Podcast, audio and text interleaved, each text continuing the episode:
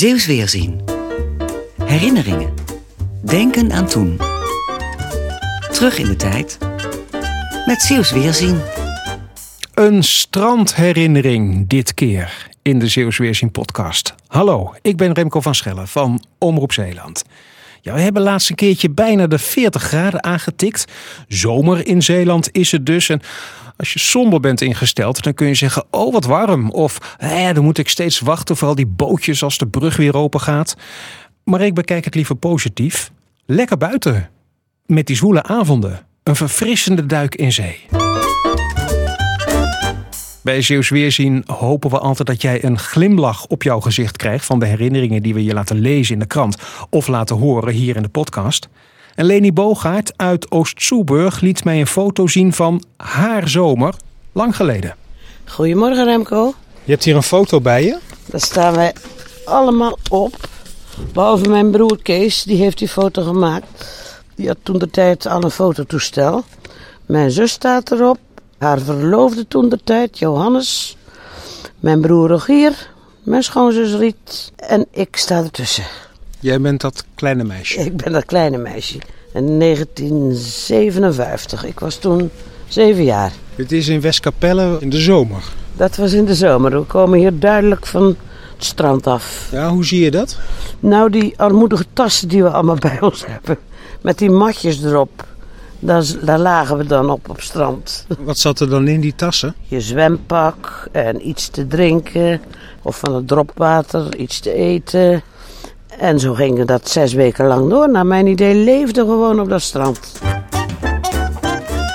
Dropwater? Ja, dat maakte je van eh, zo'n stuk laurierdrop. Dat kocht je bij de drogist. Dat deed je in een fles water. En dan maar schudden. De hele dag lang tot het opgelost was. Heerlijk, ja. Water uit de kraan en schudden. Alhoewel, toen hadden we nog geen kraan. Toen haalden we het uit de regenbakken. Had je toen nog geen waterleiding? Nee, 1959. Toen werd er licht aangelegd en kregen we waterleiding. Ja. Wij, wij hadden een boerderij thuis. Oké, we moesten 's morgens wel wat klusjes doen. Groenten helpen schoonmaken en bessen afrijgen. eh, je kamer opruimen of de zolder, waar we dan ook sliepen. Maar daarna, na de koffie, gingen we naar het strand en daar bleven we. Tot s'avonds laat. Mijn moeder kwam nog wel eens boterhammen brengen. Mijn vader zat achter zijn koeien, hij werkte op het land. Wij hielpen wel eens mee, maar dat had hij liever niet. Hij wou niet dat zijn kinderen op het land kropen. Daar waren de nichtjes en neefjes goed voor. Ik vond het lang best. Gouden tijd was dat. Je had de school, je had elkaar, je had genoeg vriendjes en vriendinnetjes om mee te spelen.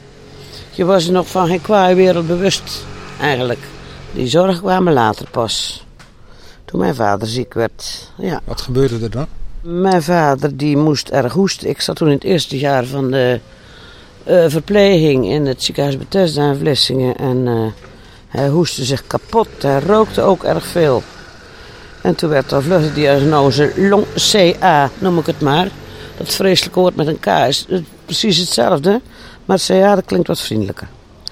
En eh, toen kreeg hij chemotherapie met tabletten. En binnen anderhalf jaar was hij overleden. De dag na zijn begrafenis werd ik 19. Maar we hebben hier nu die foto en daar zie je eigenlijk best wel blij uit hè, na zo'n eh, stranddag. Ja, Wat dacht dat meisje van zeven op dat moment toen die foto werd genomen? Laat dit nog zo doorgaan, alsjeblieft. Omdat het zulke mooie dagen waren. Ja, een blije tijd.